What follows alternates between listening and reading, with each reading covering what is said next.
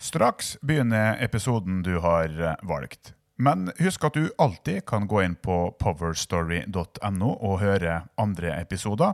Du kan også gi oss rating i den appen du lytter nå. Det vil hjelpe oss til å nå frem til enda flere lyttere. Vær med på eh, vår eh, quiz om denne episoden og andre episoder ved å gå inn på powerstory.no og velge quiz. Og du kan alltids få kontakt med oss umiddelbart ved å gå inn på Facebook og søke oss opp Hitlers krig. Men nå din episode.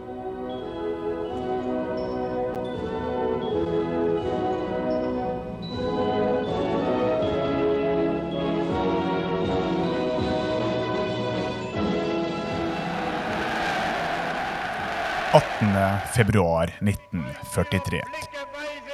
Inne i Sportspalass i Berlin er det samla til nazifolkemøte. Tysklands krigslykke har snudd. For stadig flere på hjemmebane blir det klart at krig på to fronter, USA med i krigen og knapphet på ressurser kan føre til strake veien mot undergangen.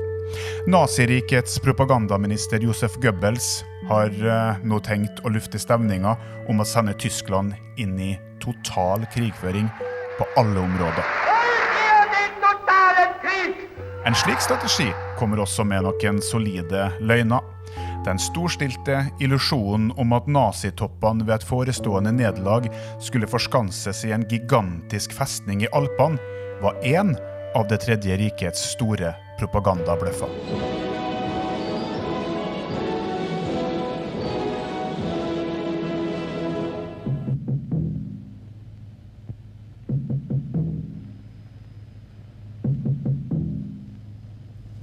London.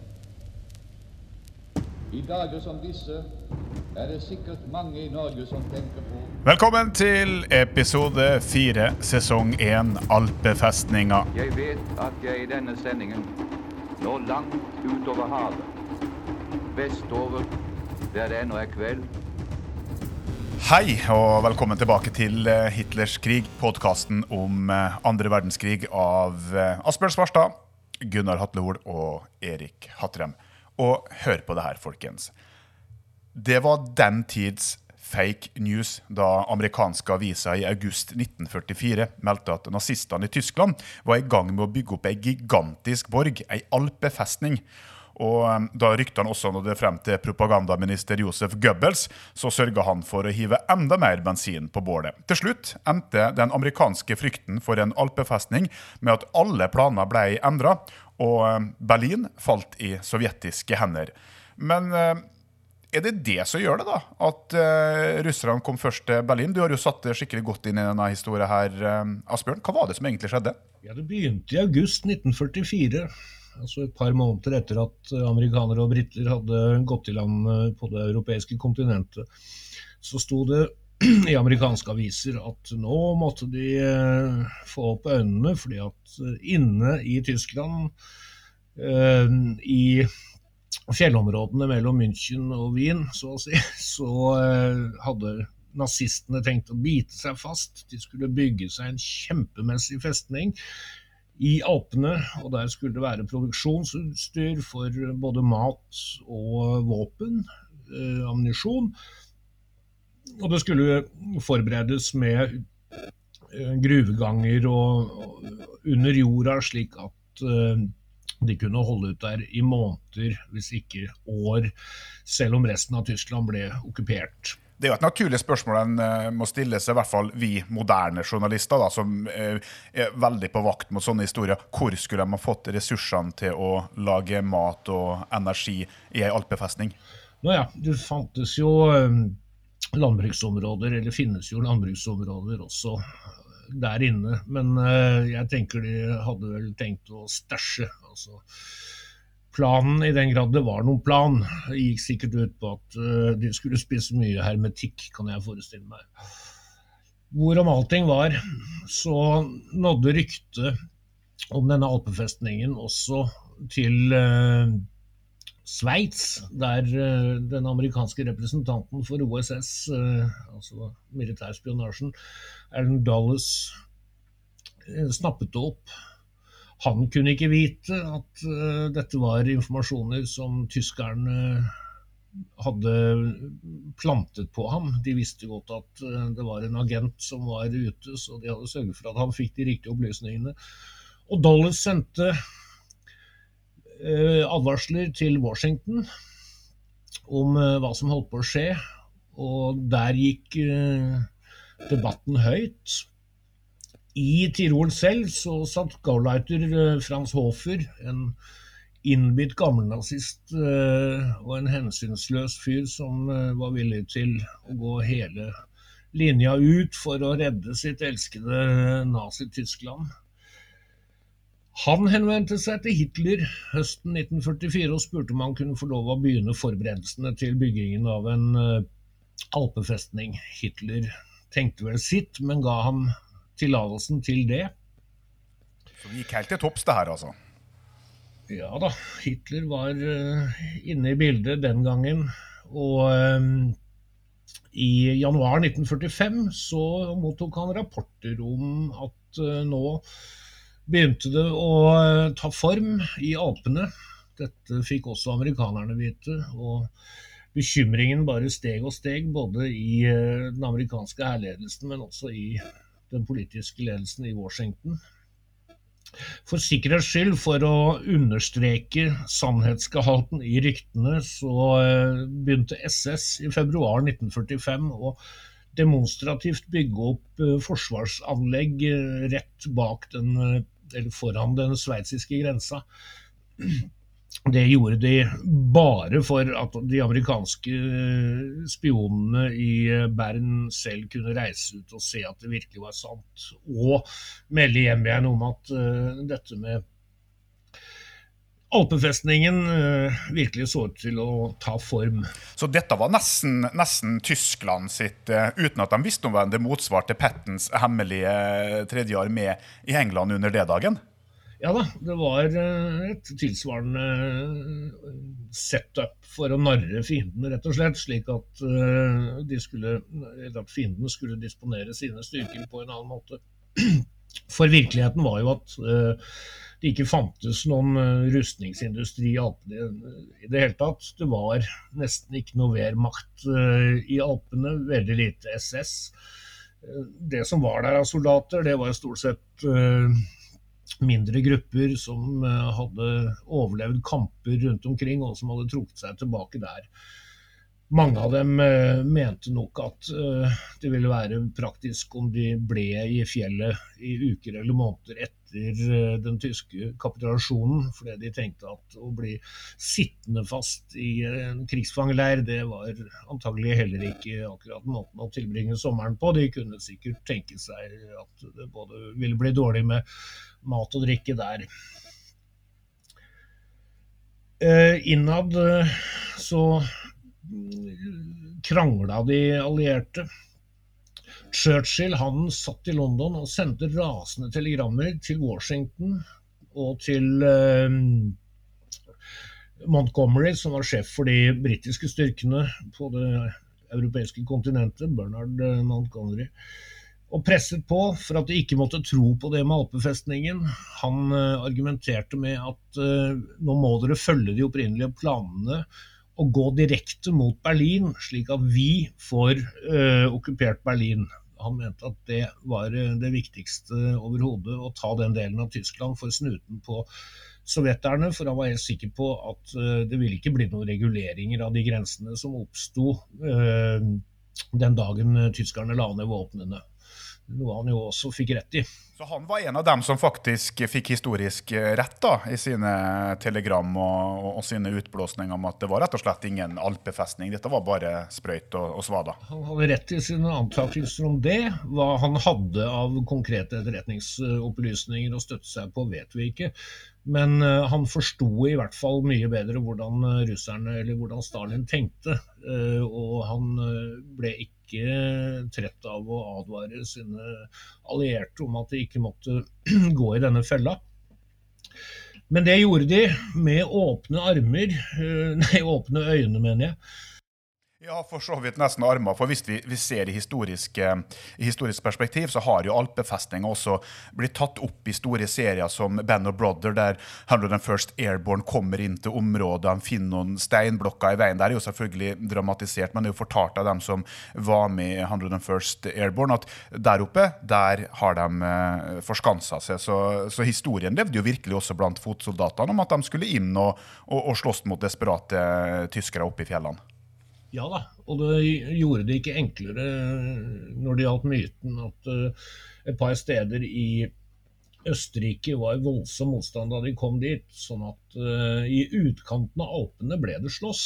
Uh, det ble virkelig kjempet hardt imot de framrykkende amerikanske, britiske og franske styrkene. Men det hadde altså ikke noe med alpefestningen å gjøre. Absolutt ikke. Den 22. april fikk SHAF, eh, altså den allierte overkommandoen i Europa. SHAEF. Supreme Headquarters Allied Expeditionary Force. Den allierte overkommandoen SHAF eh, ble 22.4 informert eh, av amerikanerne om at de ikke kom til å stille kampgrupper til rådighet for den planlagte marsjen mot Berlin. Dwight Eisenhower hadde tatt beslutningen om at nå skulle de dreie av mot øst i stedet.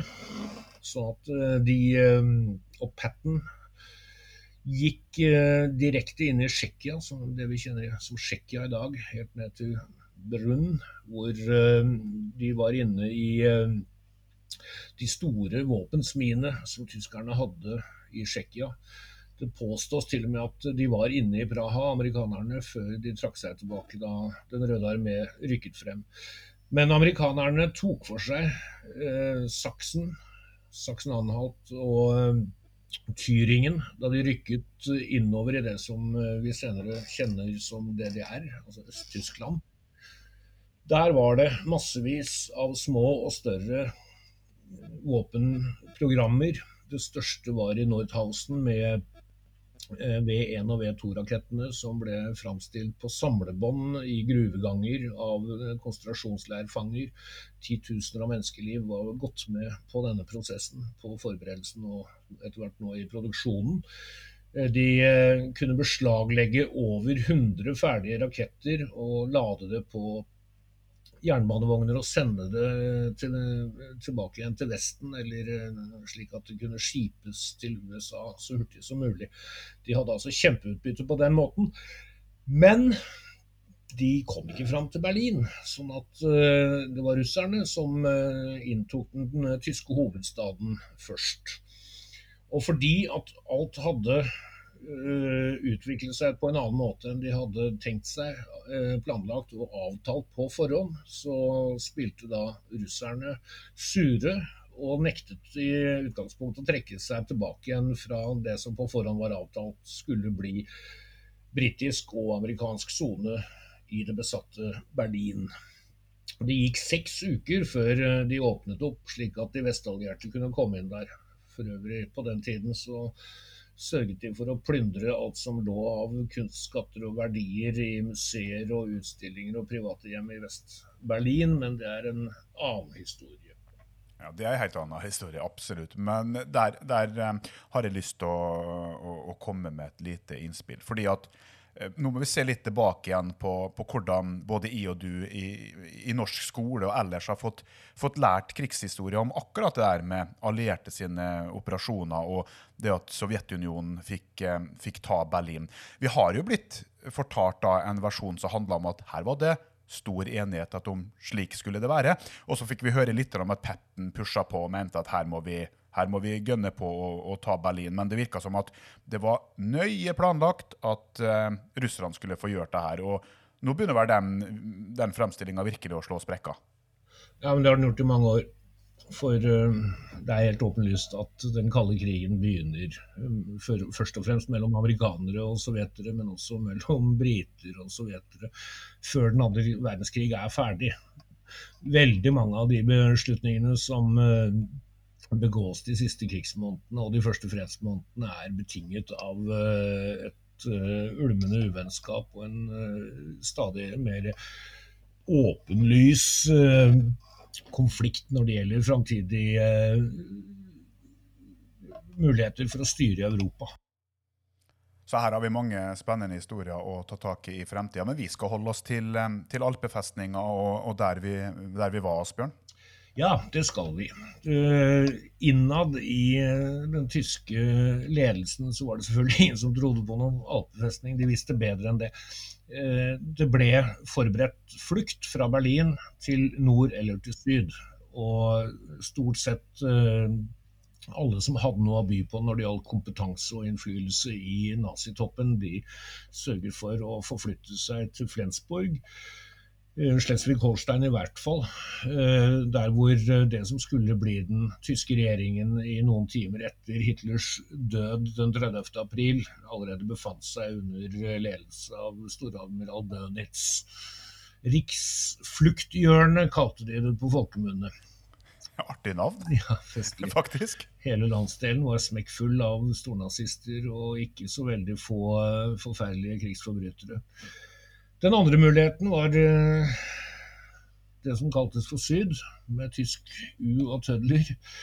Eh, det var egentlig bare Herman Gøring og hans Luftwaffe som valgte å satse på den løsningen. Og han hadde nok tenkt at hvis han befant seg eh, der hvor amerikanerne rykket inn, så ville amerikanerne komme til å sette pengene sine på ham. De kom til å bruke ham som uh, sin mann i uh, ledelsen for en ny vesttysk stat. Reine feberfantasi av, uh, av Göring. Ja, det funket ikke så veldig godt. Han kan ikke ha vært klar over hva slags eh, omdømme han hadde i utlandet. Han, had, han var ganske populær i Tyskland, så sånn sett så kunne man kanskje forstå det. Men uh, han var jo absolutt betraktet som en av hovedgjerningsmennene både i London og Paris og Washington. Så selve ideen at han skulle bli statssjef i et nytt Tyskland midt i Europa etter en krig som uh, tyskerne hadde utløst, det var helt uh, illusorisk. Men ak akkurat der så har jeg så veldig lyst til å sette et lite sånn eh, strek i margen, så vi kan huske inn i fremtida at dette er noe jeg virkelig i fremtida egentlig har lyst til å lage en hel episode om.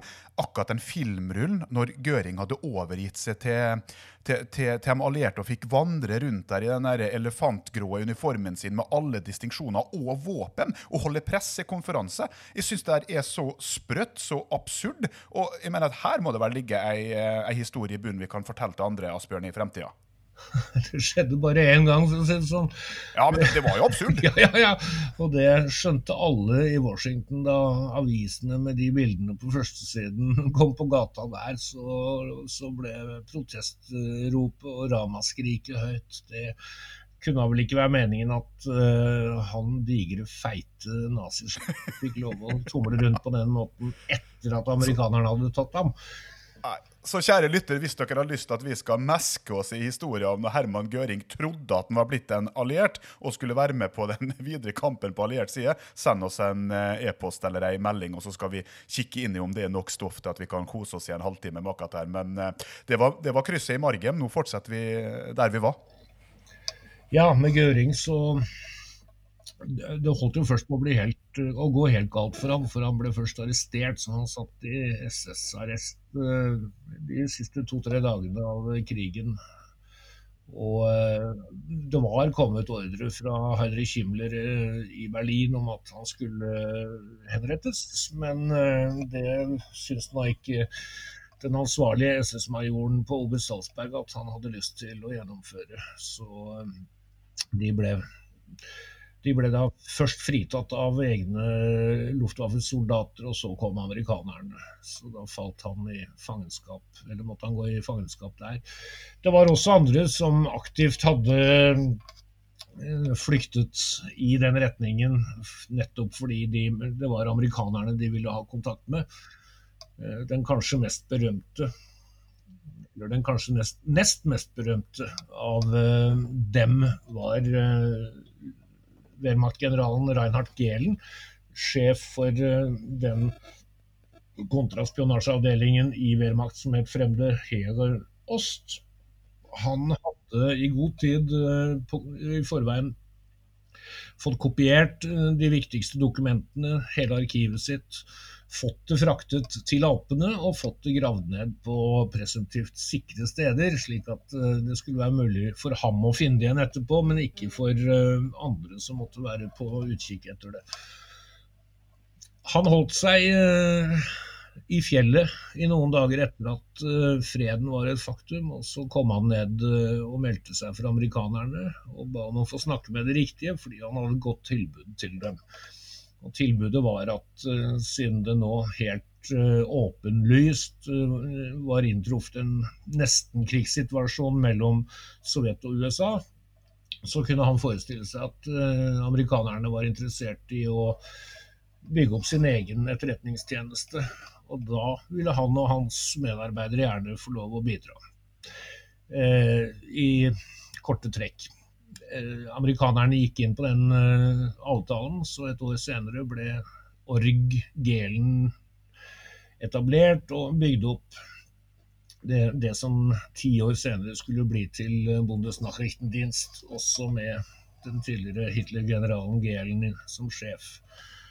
Hadde han ingen eh, krigsforbrytelser på, på CV-en siden de kunne gjort? Eller ble han en del av operasjonen Paperclip, eh, en sideoperasjon der, som ble hvitvaska? Nei, ingen av delene.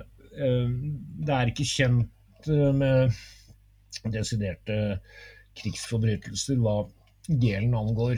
Men eh, det som man med dagens rettsforståelse og historietolkning og oppfattelse går ut fra, er at han satt så sentralt eh, i beslutningskvarterene eller de stedene hvor det ble bestemt hva som skulle foregå på østfronten og i det okkuperte Sovjetunionen, at han virkelig var blant de hovedskyldige for alle forbrytelsene som ble begått uh, i øst. Det er i hvert fall en debatt som egentlig aldri ble ført. Den ble kjørt som propaganda fra Øst-Tyskland sin side, men det var ingen som trodde på det som kom derfra. Så det, det trengte jo heller, det trengte aldri igjennom. Eh, det verste med Gelen skulle vise seg eh, etter noen årtier, to årtier, det var at eh, han hadde jo også tatt med seg massevis av tidligere Gestapo-folk offiserer som hadde gjort seg skyldig i fryktelige forbrytelser, og som var ettersøkte både av eh, allierte og av vesttyske og østtyske myndigheter pga. Eh, krigsforbrytelser. De ble utstyrt med falske identiteter og ble aktivt beskyttet. Sånn at, eh, og det var flere hundre. Og utad så nektet Gelen hele tiden eh, for at han hadde tatt, med, tatt inn eh, spesielt mange eh, sånne fæle folk. Det viste seg når arkivene omsider åpnet seg at det var en ren løgn. Det var mange av dem. Han levde jo faktisk frem til 1979, Reinhard Gehlen. Ja da. Han ble sittende med, ved makta som president i BND også til langt ut på 60-tallet. Så uh, etter dagens uh, oppfatning blant tyske offiserer, så var det han gjorde, faktisk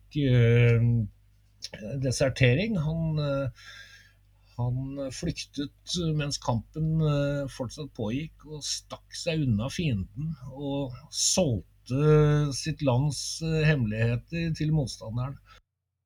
Han har min fulle støtte. Jeg skjønner fyren, for å si det mildt, når du, når du står der i, i, undergangen. Men det er jo fra min side lett å forstå at han tilbyr det der, Asbjørn, når krigen er tapt. Det er den 19. mai, og Det tredje riket eksisterer jo ikke lenger. Er det da forræderi? Å ja. I høy grad. Uh, han stakk jo lenge før krigen var slutt, så det var uh, ren og skjær desertasjon. Uh, faneflukt, feighet for fienden. Det fins masse tyske treffende begreper for det han gjorde.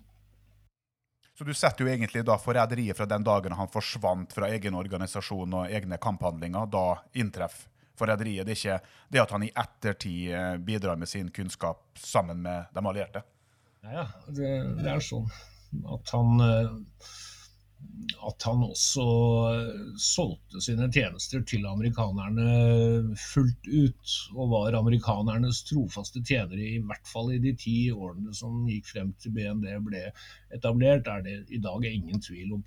Han har hele tiden forsøkt å fremstille det som om han egentlig var en hederlig tysker i innsats for fedrelandet, men at dette var et, en nødvendig manøver han måtte gjøre for å komme gjennom ei vanskelig tid. Ja, ja. God gammeldags hvitvasking av egen historie. Ja, til de grader. Tenk om han hadde hatt like mye forståelse for sine motstandere. Men han var jo ikke alene. Du nevnte Paperclip. Uh, ja. Disse etterretningsfolka de var ikke involvert i Paperclip. Det var det mer de som drev med romforskning og utvikling av kjemisk kjemiske og biologiske våpen som ble i mange år etter at det ble oppdaget noen år etter krigen at de slapp inn massevis av forskere og vitenskapsfolk på høyt nivå som hadde drevet med eksperimenter på mennesker og framstilling av kampstoffer som skulle brukes til masseutryddelse, som var kriminelt å ta i bruk i krig det ble som regel avvist med at ja, men det var viktigere å få fatt i know-howen deres enn eh, å tenke på at de skulle straffes for det de hadde gjort under krigen. Og Dessuten så var det bare noen få hundre. Nå eh, er det nye tall på dette, det var flere tusen, pluss familiene deres. Men den mest kjente av dem, det var eh, Werner von Braun. Han hadde gjort karriere. Han klarte å selge en myte om uh, hvor rørende opptatt han alltid hadde vært av raketter, og at det selvfølgelig alltid var uh, hans fascinasjon for raketter og denne drømmen om at mannen skulle fly til månen og sånt, noe som hadde drevet han. Han hadde jo aldri vært opptatt av politikk. Likevel så klarte han å bli major i SS og sjef for våpenprogrammet deres, framstillingen av V1 og V2-raketter. Og der har jo også ettertidshistoriens filmmakere, seriemakere, BT fullstendig på om den unge gutten som drev og sendte opp hjemmelagde raketter og, og tenkte bare på, på, vitenskapen og, som du sier, ikke var opptatt av politikk. Men det her er jo igjen også en helt annen episode. Jeg ser jo bare at eh, Rekker vi å gjøre ferdig en podkastserie om andre verdenskrig i vår levetid, Asbjørn? Det, ikke, det, er mange gode ikke historier. Ikke min, i hvert fall. ja, jeg, ligger, jeg, ligger, ikke så langt etter, så her, her, må vi, her, må vi, kill over darlings and choose over best. Um, hva mer kan vi egentlig um, fortelle folk om alpefestninga nå når vi først har den som episodetittel? Ja, Vi holdt nesten på å glemme at det jo også var amerikanske agenter inne i Alpene Problemet til amerikanerne var at de eh, ikke visste hva som foregikk, fordi de hadde ikke folk på bakken. Eh, og til slutt så, så begynte de også å slippe ned agenter som egentlig var eh, flyktede jøder, som snakket språket, dialektene, og som kjente folk. En av disse jødene han greide i siste øyeblikk å få grepet inn før amerikanerne bombet Innsbruck sønder og sammen og fikk det til å bli en fredelig innmarsj i stedet. Det hadde nok kommet til å gått inn i historien som, uh, som katastrofen som, følge, som, skjedde som en konsekvens av uh, ryktene om, eller løgnene om alpefestningen. Sett i 2020-perspektiv så ser den alpefestninga for meg bare mer ut som en sånn pappmasjemodell à la der Reodor Felgen bor i, i Flåklypa, og faghistoriker uh, Gunnar. Det er vel ikke så rart at de ser for meg akkurat den tanken, men, men hvordan kunne det her skje? At den allierte invasjonsstyrken leter etter ei festning i Alpene? Hadde de ikke flyfoto i de dagene der? Det, det hadde de, men eh, altså Det å drive rekognosering blant fjell i hele tatt det å begynne å angripe fjellområder fra luften, det er en helt annen sjanger. Der sitter forsvareren med gode kort. Så det var ikke akkurat uh, flyfoto som førte til at eh, denne forestillingen om alpefestingen oppsto. Men det var ei forestilling. Absolutt. Og eh, den sprang ut av eh, konkrete forhold, for eh, det fantes virkelig noe som ble kalt for alpefestning. Eh, den var i, Sver i Sveits, eh, rettere sagt hele Sveits. Fordi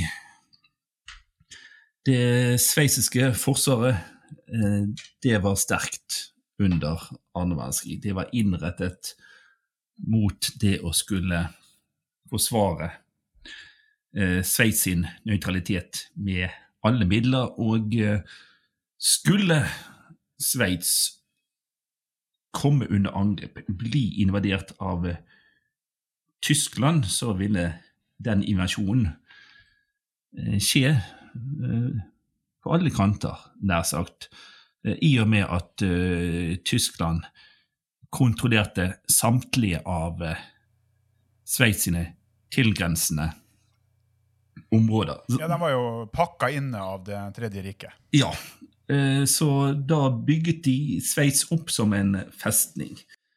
eh, Og la stor vekt på å gjøre fjellområdene i grenseområdene så defensivt raffinerte som mulig.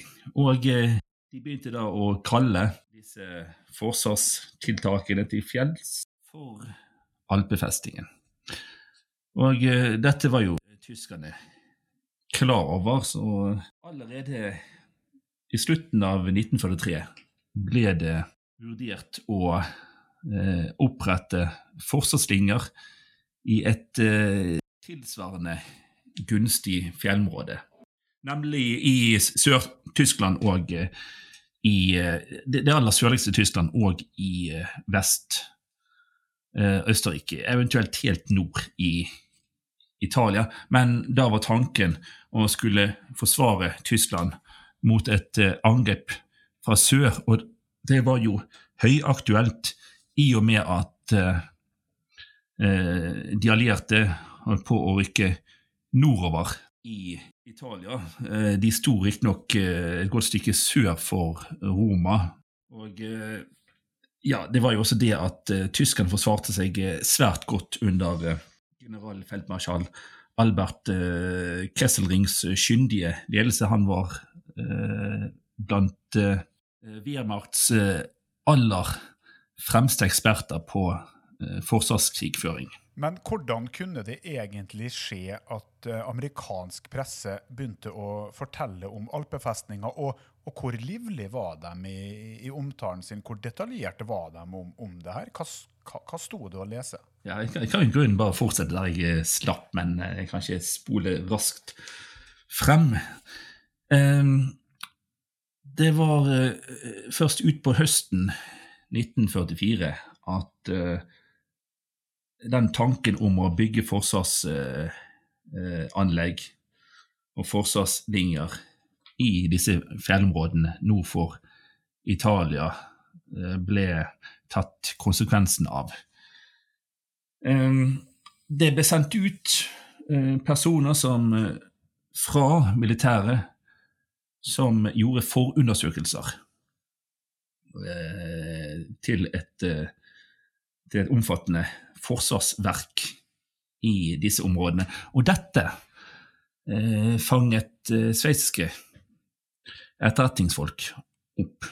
Eh, selv om eh, konkrete eh, byggetiltak ikke kom i gang, så var det såpass mye militær trafikk der at sveitserne plukket det opp. Og på dette tidspunktet, da de forsto veldig godt hvilken vei krigen gikk, hadde sveitsisk etterretning tett kontakt med amerikansk etterretning. Og eh, de begynte jo etter hvert å tenke fantasifullt rundt dette. Altså, eh, saken var den at eh, de tok det for gitt at eh, tyskerne ville kjempe til sist slutt og velge et stort eh, drama rundt det hele, og da virker det tross alt mest fornuftig å legge den sluttkampen til eh, disse store fjellområdene helt, eh, helt eh, sørligst i Tyskland, Vest-Østerrike og helt, helt eh, i Italias eh, nordområder, hvor, eh, forsvar, hvor eh, tyskerne antagelig hadde, hadde bedre defensive betingelser enn noe annet sted i, i eh, Tyskland. Og ja, så de, advarte sterkt eh, mot eh, det som de da trodde var i ferd med å skje. Det at en såkalt alpefesting var i ferd med å bli bygget. Og eh, eh, tyskerne på sin side eh, registrerte jo dette, og det var da en eh, SD-mann, altså Tysklands eh, sivile etterretningsorganisasjon, en mann derfra, Hans Gontard, fikk den ideen om at eh, de burde nøre, nøre opp under eh, denne amerikanske eh, frykten. En, en, grunn til at eh, eh, amerikanerne ble særlig opp, oppsatt på å treffe mottiltak mot eh, denne angivelige alpefestningen, var at den da ville ligge i den delen av Tyskland som eh, da skulle komme til å havne i, i den amerikanske okkupasjonssonen av Tyskland. For det var allerede avklart eh, hvilke deler av eh, Tyskland de fire seierherrene, altså de vordende seierherrene, eh, ville få eh, som okkupasjonsmakt. Og eh, og det amerikanerne absolutt ikke ville, var at det i deres område eh, ble værende en sterk sisteskanse. Det, det, det, som også spilte inn der, det, det, var at amerikanerne ble veldig overrasket da den tyske hæren angrep gjennom Ardennene i en offensiv som startet den 16. desember 1944. Eh, en, en, eh, et, et, tysk fremstår som riktignok uh, Bulge? Ja, eller også kjent som slag om Ardenne. Det, det tok, det tok uh, amerikanerne helt på sengen, selv om, uh, om de måtte Selv om det tyske angrepet slo feil og amerikanerne måtte kjempe hardt. De, de, måtte kjempe hardt for å slå tilbake. så De, de, de fikk en kraftig støkk der. Og fikk de for seg at uh, tyskerne kunne reise seg uh, nær sagt når som helst. Og de, uh, og de fikk jo uh, på lokale steder, bl.a. i Nürnberg, erfare at tyskerne fortsatt kunne bite hardt for seg. Ja. Og at de gikk på den samme taktikken en gang til, da, gjennom skogen i Belgia, som ja. ved invasjonen i 1940. Det er jo nesten en liten ironisk fotnote i historien. Men igjen, da, var det slik at, som vi snakka om tidligere i episoden, at den jakta på alpefestninga gjorde det at USA ikke tok Berlin, og det havna i Sjukhovs hender? Det var sterkt medvirkende, men jeg, tror det er lurt av meg nå å stikke inn et sentralt poeng, nemlig at tyskerne, etter initiativ fra nevnte SD-offiser Hans Gontart gjorde sitt beste for å nøre opp under frykten for at tyskerne forberedte en slik stor sisteskanse ved navn Alpefestningen. Så han fikk jo, fikk jo også programminister Josef Goebbels interessert i dette. Så i en ganske elaborert uh, skinnmanøver så ble det sirkulert uh, falske tegninger over et alpefestingsanlegg. De sendte ut folk, militære, militært personell, for å bedrive trafikk i, i disse fjellområdene. De lot til og med tyske ingeniørtropper eh, foreta sprengninger for å gi inntrykk av at arbeid var eh, underveis. Så eh, det, det, kom en god del indikasjoner på at eh, ting definitivt var på gang. Og det, du kan jo si at dette var en av eh, skinnmanøvrene til eh, Tyskland som virkelig lyktes. For eh, som du jo spurte om, den fikk konkrete følger for amerikanernes posisjoner, nemlig at de valgte å dreie sitt hovedstøt vekk fra Berlin. De valgte ikke selv kjempe for å innta Berlin, men dreide en, en betydelig del av sine hærstykker sørover, nettopp for å forsøke å hindre at tyskerne rakk å etablere seg i dette alpefestingsområdet. Så ja, du kan jo si at uh, amerikanerne etter hvert ble grepet av en alpefestningspsykose. Altså, det var amerikanere der som tvilte sterkt på realitetene bak eh, alpefestningen. Eh, blant annet eh, den amerikanske hærens avdeling for psykologisk krigføring. Eh, de gjennomskuet dette. De så jo også at Tyskland ikke hadde nok reserver igjen til å holde det gående lenge i Sør-Tyskland. Så de hadde underskudd av eh, mat, av eh, ammunisjon, av uh, mannskaper. Så Tyskland var rett og slett uh, utarmet. Men uh, de vant jo da ikke gehør. Så det som ble det dominerende narrativet, det var at den tyske hæren skulle være i stand til å forflytte rundt 100 eh, divisjoner til dette området. Det vil si at 100 divisjoner befant seg innenfor rimelig rekkevidde av dette alpeområdet. Og det ble til og med påstått at eh, tyskerne da hadde eh, fasiliteter uh, som kunne gjøre det mulig for faktisk 20 tyske divisjoner å eh, etablere seg og holde stand i ja, i lang tid. I, i hvert fall kanskje ut uh, året 1945. Når en ser på kart over, uh, over, området der den angivelige alpefestninga skulle ha vært, så ser en jo Og nå må vi snakke om kart fra, fra 1945. Så ser en jo at det er uh, smale fjellveier, fjelloverganger, høye, bratte fjell, eh, bondelandskap i bunn. Burde ikke enhver strategisk planlegger si det at her kan du ikke flytte 20-100 divisjoner, selv om de, om de så skulle eh, eksistert. Logistikken vil jo ikke tillate det, for Luftwaffe eksisterer jo ikke lenger. Eh, så du kan jo ikke ha flydropp med noe særlig. Og det å få tunge haubitsere og, og tungt materiell opp her det går jo ikke an.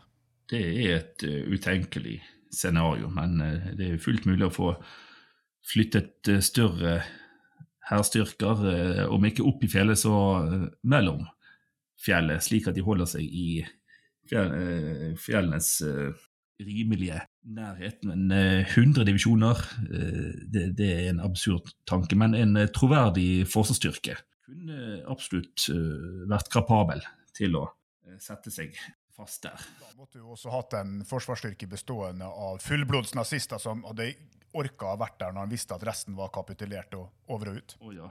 Så, men ressursene de fantes der bare ikke. Du, du kan si at uh, amerikanerne de eh, tenkte mer som uh, nazister enn nazistene selv. Altså De tok konsekvensene deres tenkning, eller, eller, forsøkte å gjøre det, var at uh, de rett og slett ikke var i stand.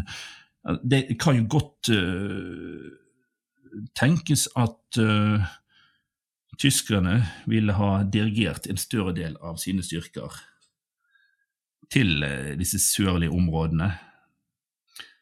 før da Tyskland ble splittet i to, altså det var det som skjedde. Britene og amerikanerne rykket dypt inn i, i Tyskland og møtte eh, de sovjetiske styrkene på Mosas side, og delte da Tyskland i to. Det var jo også noe eh, Wehrmacht selv tok, tok eh, følgen av ved å opprette to forskjellige kommandoer. Én i nord og én i, i sør, før eh, denne delingen eh, fant sted. For eh, de var på det tidspunktet ikke lenger i stand til å opprettholde noen eh, sammenhengende front eh, mot vest. Men altså Skulle de ha forsøkt å omgruppert med mindre styrke, så var det nettopp amerikanerne amerikanernes tilt, eh, tiltak mot den innbilte alpefestningen som forhindret at det kunne skje, for det ble rett og slett umulig å eh, flytte seg eh, dit, slik amerikanerne etter hvert, eh, etter hvert eh, disponerte sine styrker. Et veldig sterkt nærvær i sør.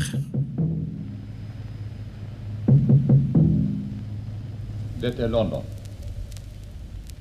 I dager som disse er det sikkert mange i Norge som tenker på